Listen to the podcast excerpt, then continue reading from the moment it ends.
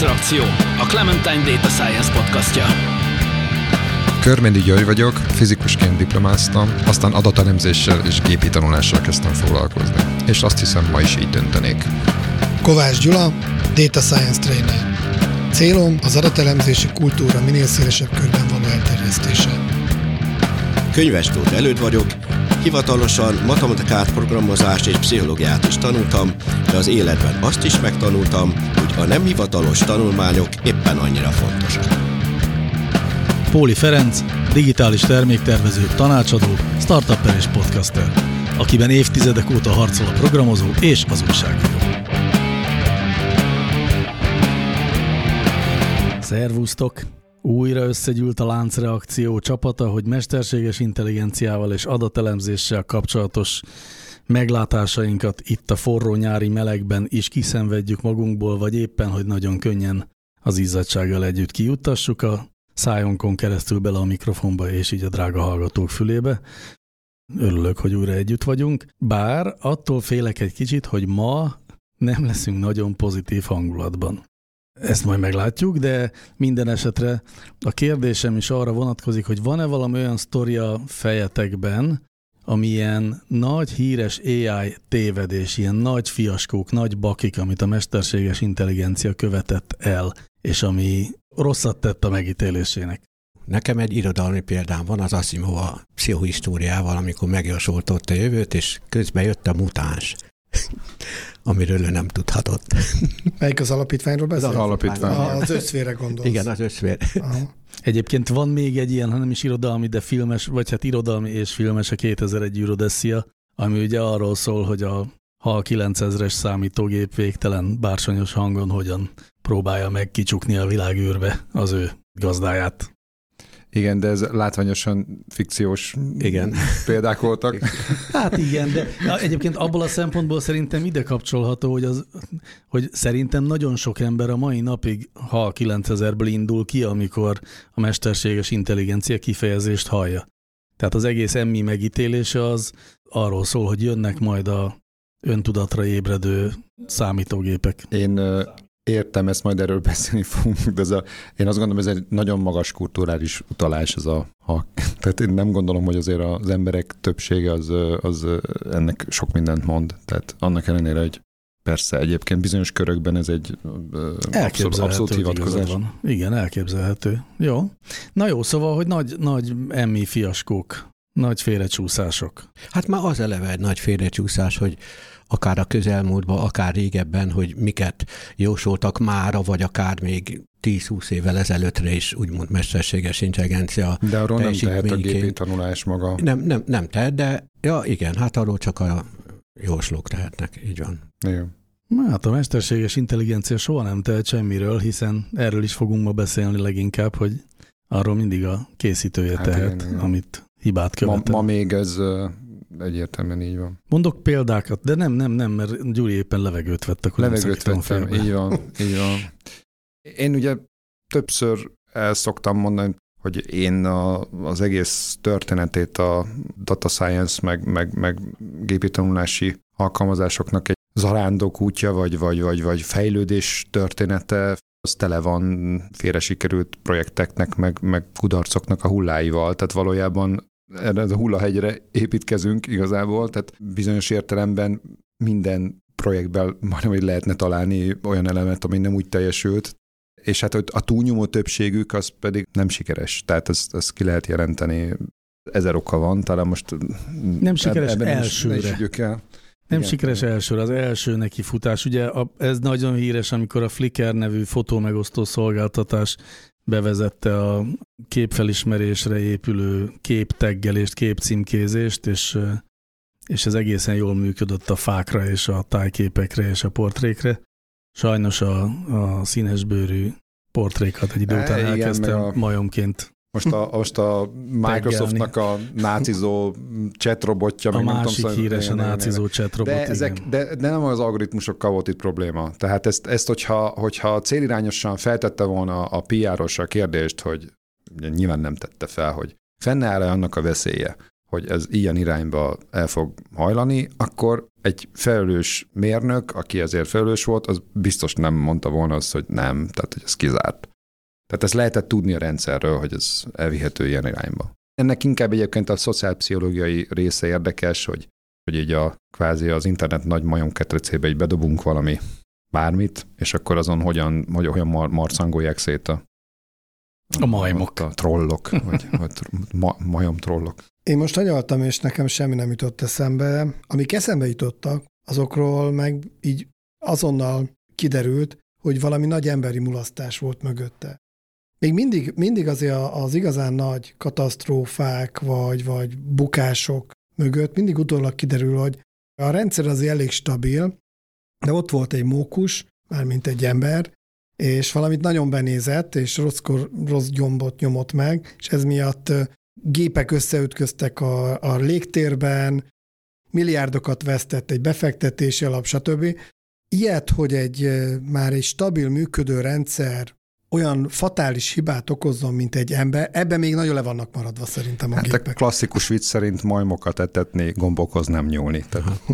Tudok egy olyan történetet, amikor annak, aki a mai értelemben mesterséges intelligenciának mondott predikciókat játszotta, ő úgy érezte, hogy jól dolgozott, de, a, de akinek csinálta, ő pedig nem érezte ezt olyan sikernek. A, például egy ismerősöm egy banknak csörnvizsgálatot végzett, ahol az lett volna a cél, hogy hát a csörnölők ők, ők hogyan viselkedjenek meg, stb. Hát hónapokon keresztül végezte ezt a munkát, és amikor bemutatta, véletlenül én is ott voltam, és hát az volt az eredmény, hogy három vagy négy csoport van, mindegy, mert ki fog derülni, hogy miért mindegy, mert az első csoport az, akik rögtön visszafizetik a hitelt.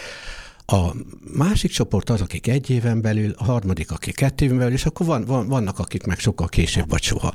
És, és hát erre nagyon büszke volt, hogy ezt kimutatta az algoritmus sok hónap után, sok száz adatbázisból.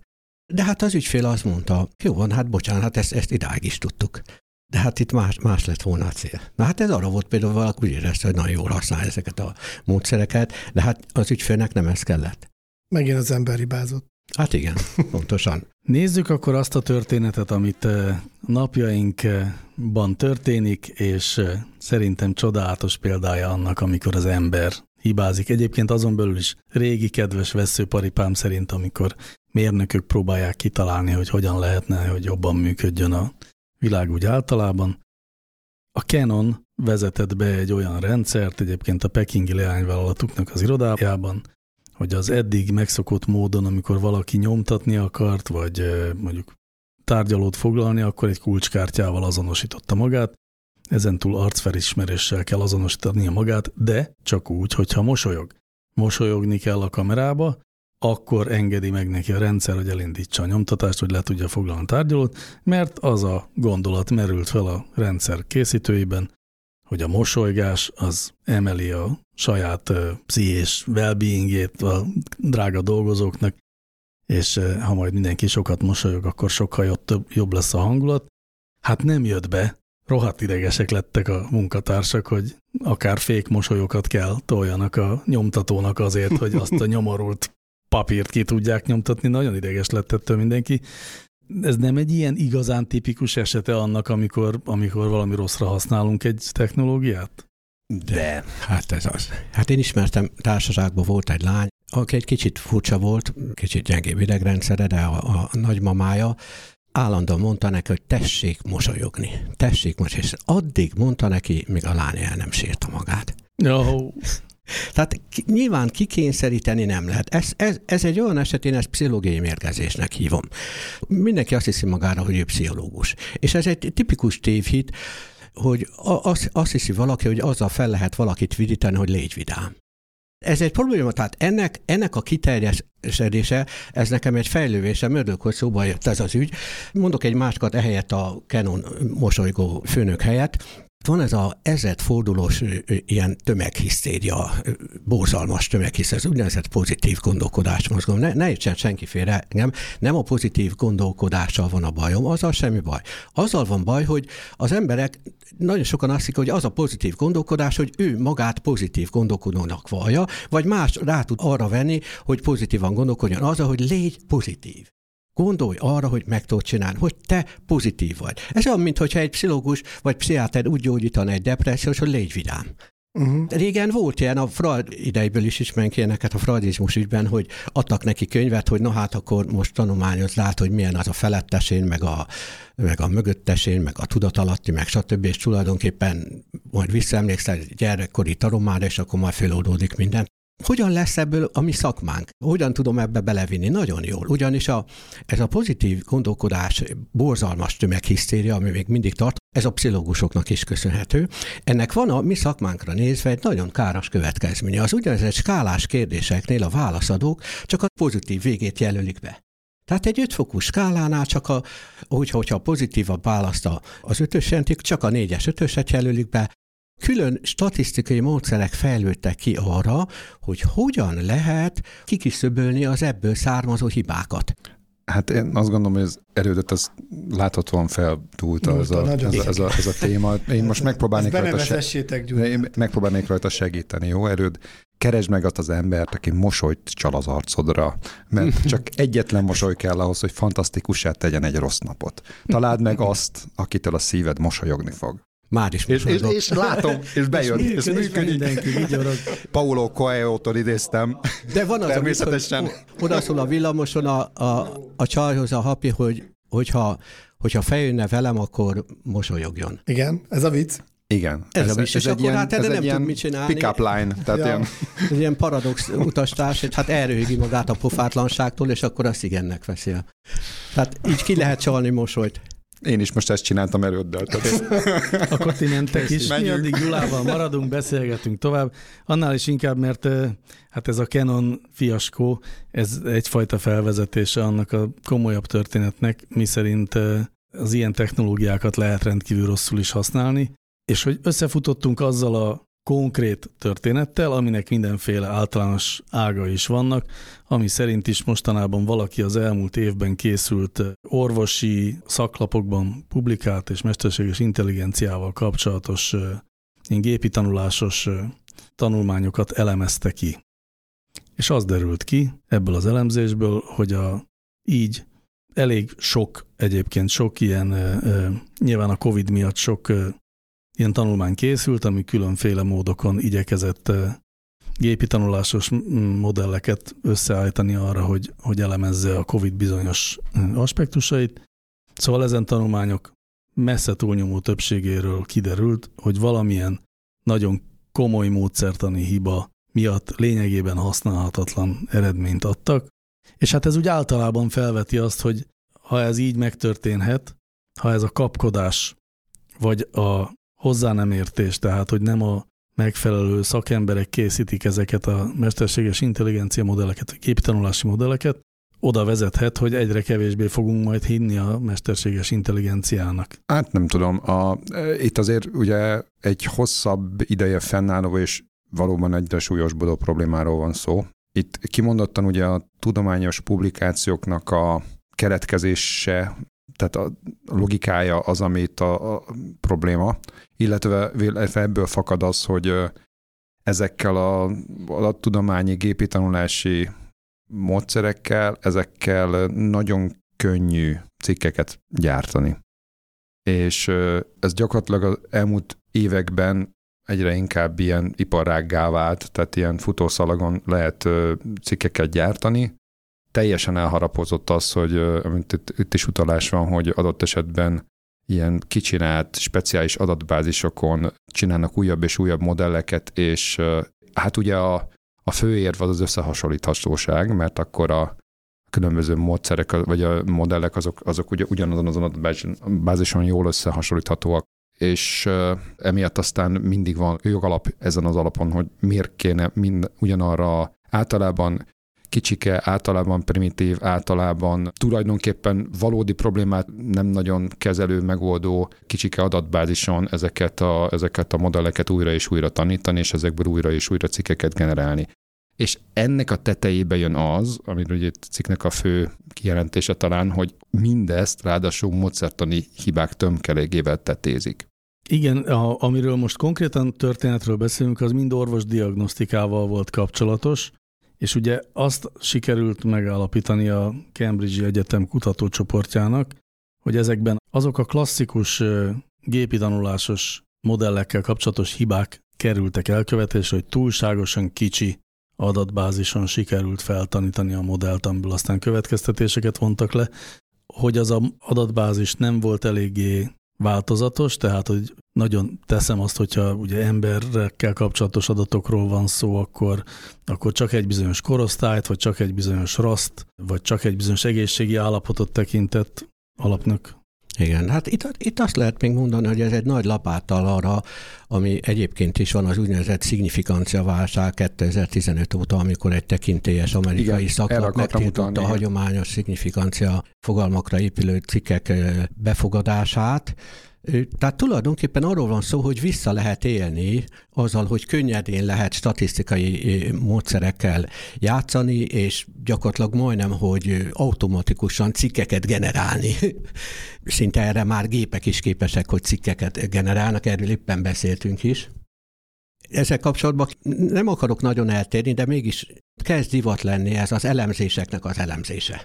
Tehát ez is abból keletkezett. Ez egy új tudomány kezd lenni, és már előzetesben hagyd mondjam, hogy ez annyira közel van a szakmánkhoz, hogy például az SPSS-nek a legújabb változata, az SPSS statisztiknak a 28-asban pont ilyen módszereket raktak bele, amik ilyen metastatisztikák. Tehát ezt viccesen lehet így mondani, hogy az elemzések elemzésének, az elemzésének, az elemzésének az analizálása. Na most a legösszefogóbb neve ennek, hogy ott, ahol már nem csak statisztikák vannak, a, a, ez a bűvös betűpáros, az EBP, az evidence-based practice. Ugye ezt főleg az orvostudományban használják, de minden tudományban egyre inkább tényalapú orvoslás, szépen magyarul. Igazániból evidencia alapú gyakorlatnak, tehát azért nem szeretem orvoslásnak mondani, mert nem csak az orvoslás területén van, bár az orvoslásban óriási ennek a, az irodalom, és, és, és külön tantárgyak vannak a szemelveszen, e, ezt oktatják, hogy tehát tulajdonképpen, hogy ne, ne egyes orvosoknak vagy egyes esetekből következően állapítsák meg, hogy mit kell tenni, hanem általánosabb értelemben Nos, ebbe tartoznak a metastatisztikák is, ez egy, ez egy külön ága a matematikai statisztikának, és hát e, ezzel kapcsolatban tehát egy ilyen jó hit mondtam, hogy, hogy az SPSS 28-asban ilyeneket tettek e, bele. A történetre visszatérve, vagy a Covid-ra, szerintem borzasztó az, hogy teljesítménykényszer van a tudományban. Én nem vagyok szakembere ennek a területnek, bő egy éve robbant be a COVID. Szerintem körülbelül most van annyi adat, hogy értelme lenne elkezdeni elemezni. Talán még most is korai egy kicsit, de az, hogy nem tudjuk kivárni, amikor már tényleg olyan mennyiségű adatbázis halmozódik fel, amikor van értelme, hanem publikációs kényszer van, és már akkor is elemzek, amikor még fogalmunk sincs, hogy mi fog történni, és mit jelentenek a számok, én például csak arra játszottam azzal az adatbázissal, hogy átoltottság, hogy ugye erre nagyon büszkék voltunk, hogy milyen sok ember oltunk be, tehát ez óriási szórás volt nap, mint nap, és kiválasztottam tetszőlegesen egy induló napot, onnan indítom a trendet, tehát a trendvonalat, és teljesen más trendvonalak jöttek ki, hogy melyik napot választottam indulásként. Ki tudtam hozni azt, hogy csökken, az oltásoknak az átlagos száma, meg ki tudtam hozni, hogy, hogy nő.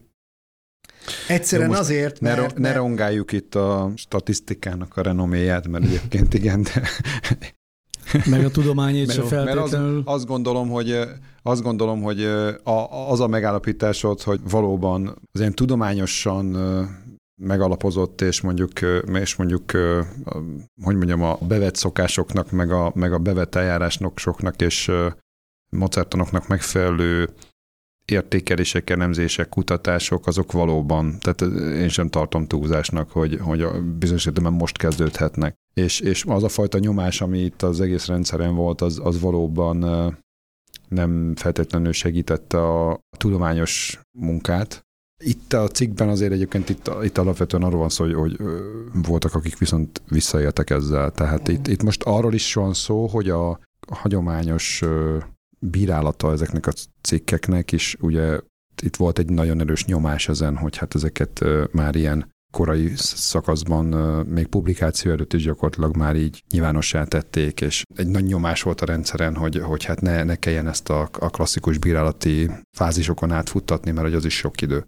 Én azt gondolom, hogy egy ilyen azt lehetne mondani, hogy a tudományban ez egy ilyen hadi állapot volt, igen, azt hiszem ez a jó szó rá. Tehát, hogy, tehát, hogy egy ilyen hadi állapot volt, meg ilyen hadi gazdálkodás, és most vissza kell térni a, a klasszikus módszerekre, és meg kell nézni, hogy hol voltak azért itt olyan eltérések, és tulajdonképpen ezeket a cikkeket lehet, hogy mindet át kell újra nézni, és azt vissza kell vonatni. Szerintem egyébként van egy nagyon friss hír, ami megmutatja, hogy azért veszélyes korai konklúziók levonása, mert lehet, hogy az ragad meg az emberekbe. Nem tudom, tudjátok-e, hogy pár napja jött ki egy elemzés arról, hogy ténylegesen hány ember halt meg a Covid-ba.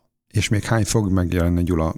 Oké, oké, okay, okay. de most ő már tudományosan módszerrel, tehát a, ugye csinál, vannak erre módszertanok, hogy mennyi egy országnak a várható halottak száma az elmúlt x év adatai alapján, és folyamatosan publikálták azt, hogy mennyien halnak meg naponta, gondolom ezt Emre emlékeztek. Halványan. Halványan, és a, a, ezzel a napi publikáció alapján ugye az jött ki, hogy mi a világ elsők vagyunk. Tehát itt halt meg egy millióra vetítve a legtöbb ember. Körülbelül 30 ezer ember halt meg. Ez szerint az első statisztika szerint.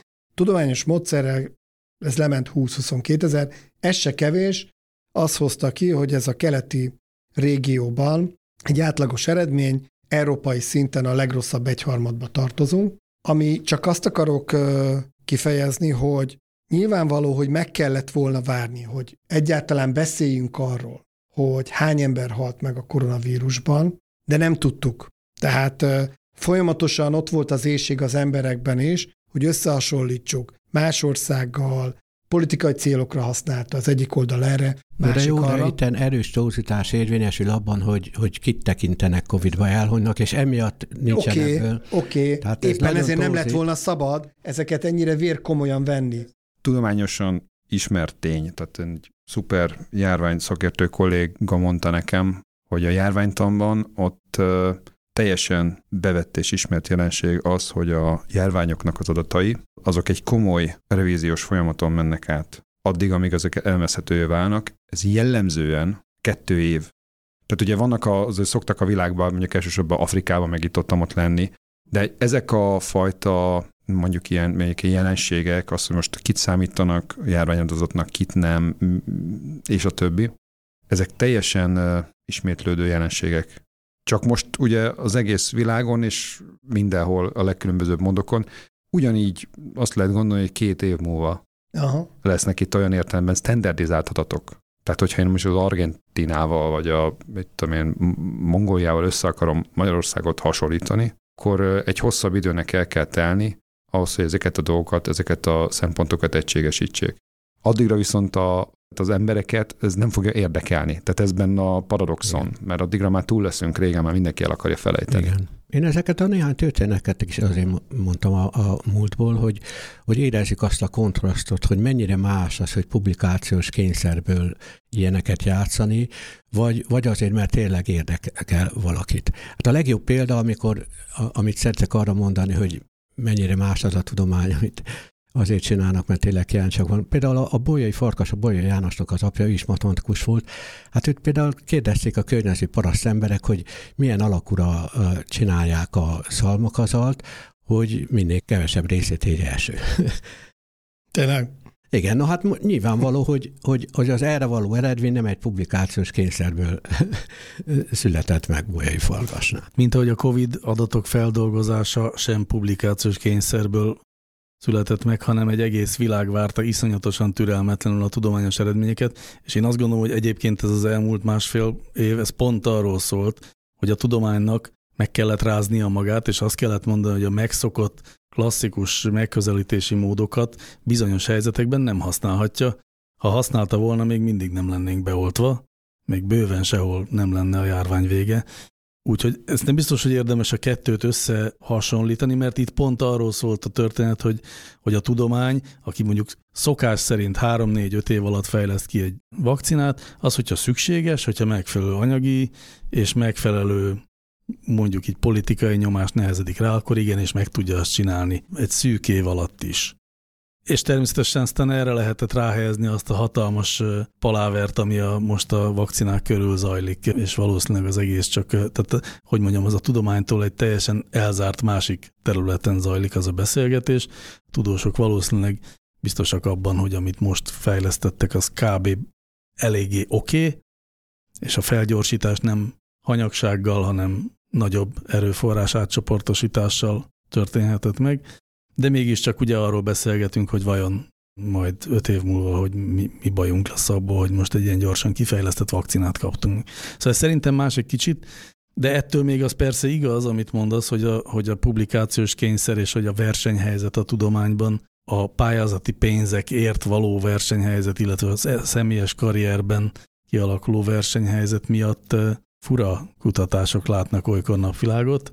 Hogy ez hogy függ össze a mesterséges intelligencia, pontosabban a gépi tanulási rendszereknek a hitelességi válságával, az egy, hát nem tudom, valamiféle párhuzamot egyébként talán találhatunk, de valóban igaz az, hogy többnyire van az a gondolat a megrendelőben, hogy ó, ekkora adatbázis is elég lesz a feltanításhoz.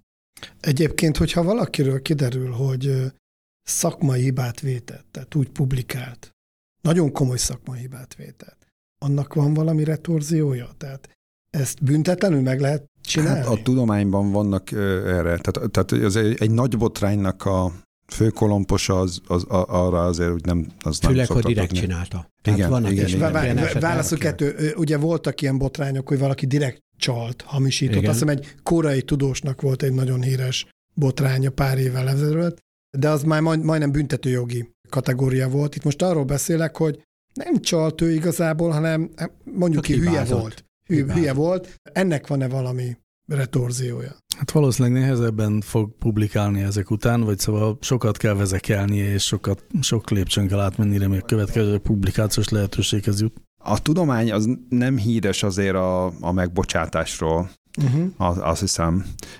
Tehát tulajdonképpen az egész uh, tudományos módszertan, akkor a cikkek logikája, ez, ez mind azt szolgálja, hogy azért ezt kezdeti fázisban alapvetően kiszűrjék, és azért a, mint az immunrendszer a szervezetben, hogy szép hasonlatom. Tehát, és, és ez általában jól is szokott működni. De azért mondjuk egy kellően hosszú, meg kellően komoly tudományos munkásság az egyébként majdnem, hogy kódolja magába, hogy ott azért például lesznek kifogásolható dolgok. Tehát ez szerintem viszonylag gyakori, hogy mondjuk egy, egy nagy tudósnak egy nagy életművébe tudtam ott így hébe-hóba valahol valami, lehet, hogy valami jelentéktelen dologba, de bele lehet kötni. Hát sőt, az egész tudományos módszertan maga a trial and error módszertan. Na nem? igen, Tehát csak az hogy az... Jó, csak igen, hogy igen, ne jusson el az, egy nagy megállapításig, annak nem? megvannak a szabályai, hogy az milyen keretek között érvényes és akkor, hogyha azt betartjuk, akkor az elvileg garancia arra, hogy, hogy nem mondunk hamis dolgokat. Így van. Igen.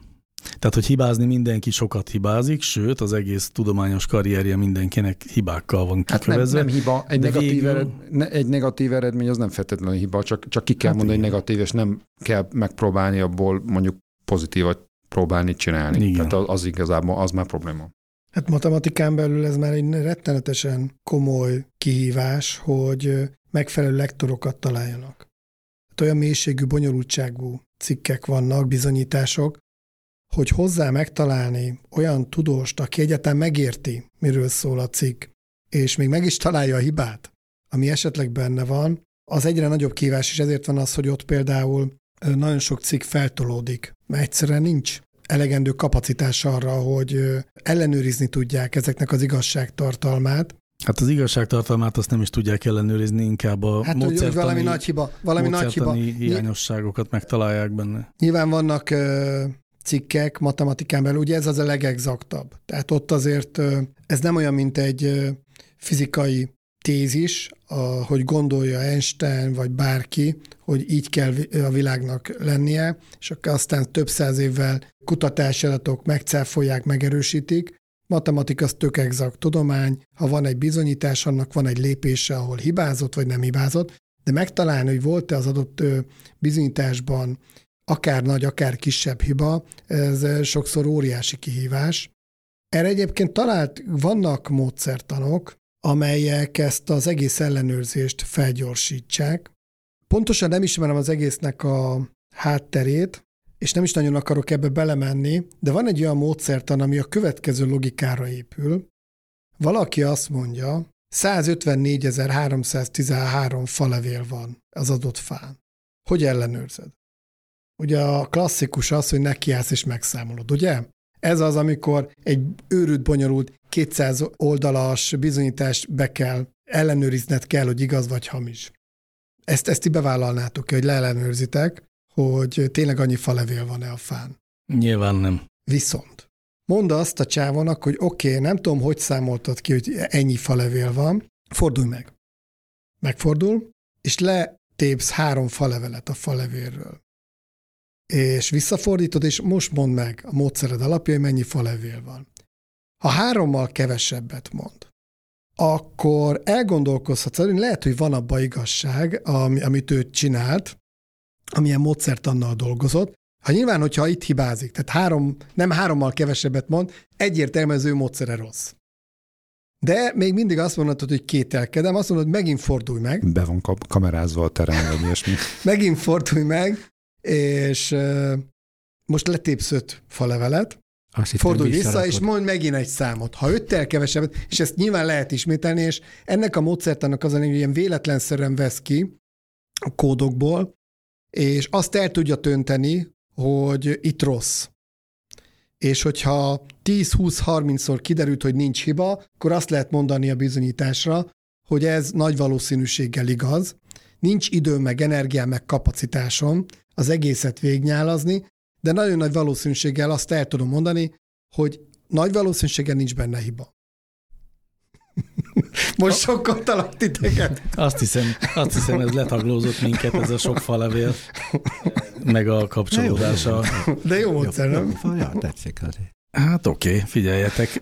Hát ez a falsifikálhatóság területe, ugye filozófia területe, tehát én nagyon mélyen ebben nem menjünk bele. Nagyon mélyen már csak azért sem tudunk belemenni, mert nagyjából el is fogyott az időnk, miközben pedig pont most lenne érdekes arról beszélni, hogy akkor vajon a gépi tanulási modelleket hogyan lehet ellenőrizni, hogyan lehet megtudni arról, hogy az nem tartalmaz-e valamiféle hiteltelenítési módszertani hibát, mennyiben fekete doboz egy gépi tanulásos modell, de erre talán akkor egy következő alkalommal tudunk időt szakítani. Ma azt legalább megbeszéltük, hogy vajon a társadalmi nyomást hogy kell lereagálja a tudomány.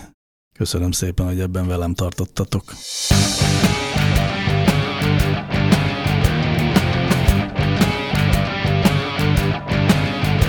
Láncreakció, a Clementine Data Science podcastja.